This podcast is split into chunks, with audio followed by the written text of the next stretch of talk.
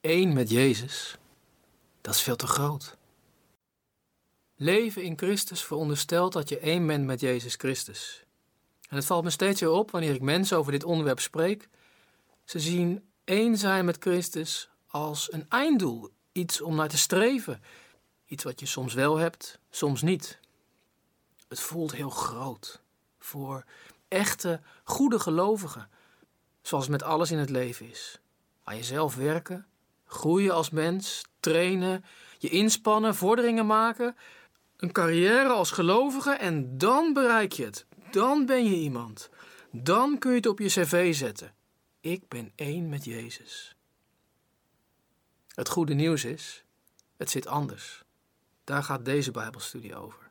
Leven in Christus is niet iets van eerst heel veel doen en dan iets worden, identiteit als iets om na te streven. Nee, het is omgekeerd. Eerst krijg je een nieuw bestaan, een nieuwe identiteit, nieuw leven. En dan mag dat nieuwe gaan groeien en zichtbaar worden. Je mag dingen gaan doen en worden wie je bent. Hoe kan dat? Laten we beginnen bij het begin, en dat is het onderwerp van deze Bijbelstudie. Dat kan omdat Jezus zich eerst zelf één heeft gemaakt met ons. Jezus heeft zich met ons geïdentificeerd en ons bestaan op zich genomen. Het zijn allemaal verschillende stukjes Bijbel die dat laten zien. Ik noem er nu een aantal. Paulus schreef een brief aan net gestichte christelijke gemeenschappen in wat nu Turkije heet, het Bijbelboek Galaten. En hij vertelt dat we als mensen een aantal problemen hebben. We zijn onze vrijheid kwijt, we zijn God kwijt, er is een wet waar we aan moeten voldoen, maar dat lukt ons niet. En dan komt hoofdstuk 4, vers 4 en 5. Toen de tijd gekomen was, zond God zijn zoon, geboren uit een vrouw en onderworpen aan de wet, om ons vrij te kopen aan de wet, opdat wij zijn kinderen zouden worden. Dus Jezus wordt gestuurd met een duidelijke missie: ons weer vrijheid geven, ons weer bij God thuisbrengen, zorgen dat wij zonen en dochters van God kunnen worden. En daarom wordt hij net als wij, mensen geboren uit een vrouw. En hij deelt ook onze problemen. Zoiets schreef Paulus ook in zijn brief aan de kerk aan Rome, het Bijbelboek Romeinen. Ook hier wordt duidelijk dat wij vastzaten in de machten van het kwaad, in zonde en dood. En wij zelf, slappe hap is het, zonder morele ruggengraat, zonder kracht om onszelf te bevrijden. Romeinen hoofdstuk 8, vers 3. Onze menselijke natuur maakt Gods goede wet machteloos. Ook al weten we wat het goede is, we krijgen het niet voor elkaar om deze wereld en onszelf te verbeteren. Maar, vers 3 en verder, vanwege de zonde heeft God zijn eigen zoon als mens in dit zondige bestaan gestuurd. En zo heeft hij in dit bestaan met de zonde afgerekend.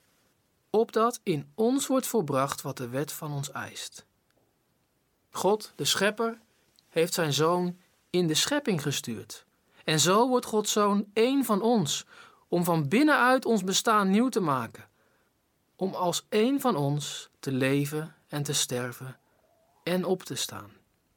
En om van binnenuit ervoor te zorgen dat wij nieuwe mensen worden. Eén zijn met Jezus. Dat begint dus als Jezus zich één maakt met ons.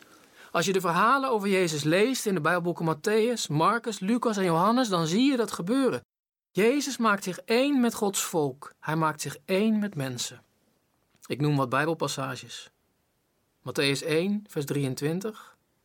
Hij wordt als mens geboren om Immanuel te zijn, God met ons. Matthäus 2, vers 15. Jezus gaat naar Egypte terug om vanuit Egypte naar Israël te komen. Gods zoon komt uit Egypte. Hij doet de geschiedenis van Israël over om Israël nieuw te maken. Matthäus 3, vers 15 tot 17. Er is een boeteprofeet actief, Johannes de Doper. Hij roept zijn volksgenoten op om boete te doen en zich bewijs daarvan te laten onderdompelen. En dan komt Jezus. En Johannes de Doper reageert: Als er iemand niet gedoopt hoeft te worden, als iemand geen zondaar is, geen bekering nodig heeft, dan bent u het. Maar Jezus wil gedoopt worden. Hij maakt zich één met zondaren. En dan op het eind zijn arrestatie en veroordeling. Jezus had ervoor weg kunnen lopen, maar hij kiest ervoor. gearresteerd worden, onschuldig veroordeeld worden. Hij maakt zich één met slachtoffers van onrecht. Ook al is hij onschuldig, wordt hij veroordeeld en weggewerkt. En hij schreeuwt het uit: Mijn God, mijn God, waarom hebt u mij verlaten? Hij laat zich veroordelen en kiest ervoor om zich één te maken met veroordeelde misdadigers. Zo maakt hij zich één met mensen die zelf onrecht doen, opstandelingen en godslasteraars. Zoals Paulus schrijft in de tweede brief aan Korinthe, hoofdstuk 5, vers 21. God heeft hem die de zonde niet kende, voor ons één gemaakt met de zonde. Wat maakt dit nu allemaal voor verschil? Weet u nog waar we mee begonnen? Het voelt zo groot en ver weg om te zeggen: Ik ben één met Jezus. Dat lijkt meer een einddoel om naar te streven dan iets dat nu al zo is. Misschien herkent u dat. Dan vind ik het zo mooi om te zien wat er gebeurt in Jezus' leven. Hij komt bij God vandaan. En voor ons is dat ver weg. We zijn God immers kwijtgeraakt. Waar zouden we God moeten vinden? Wat Jezus doet, is zich één maken met ons. Hij identificeert zich met ons bestaan. En zo zorgt hij er zelf voor dat we één met hem kunnen zijn. Niemand hoeft te denken: één zijn met Jezus, dat is voor jou misschien wel haalbaar. Jij bent zo goed, jij hoort bij het volk van God. Jij bent christelijk opgevoed, jij hebt nooit iets geks gedaan. Maar ik, ik ben zo raar. Ik ben zo anders. Ik ben zo slecht. Voor mij is het niet weggelegd. Wel nee. Kijk eens met wie Jezus zich één maakt. Met wiens belangen identificeert Jezus zich? Wie u ook bent, u hoeft niet te denken dat het aan uw neus voorbij zal gaan. Hebt u het gevoel dat u ontzettend onrecht aangedaan is? Jezus heeft hetzelfde meegemaakt. Hebt u een rotstreek uitgehaald? Jezus is voor zulke rotstreken veroordeeld. Voelt u zich door God en mensen in de steek gelaten? Jezus heeft het ervaren en uitgeschreeuwd: Mijn God, mijn God, Waarom hebt u mij verlaten? Of u nu het gevoel hebt dat uw leven vloekt met God, dat u een opstandeling bent, of dat u zich een loser voelt, een mislukkeling, iemand met een zinloos leven, zo is Jezus geworden. Wie aan een kruis hangt, is een mislukkeling met een leven dat zinloos was, een vervloekt leven.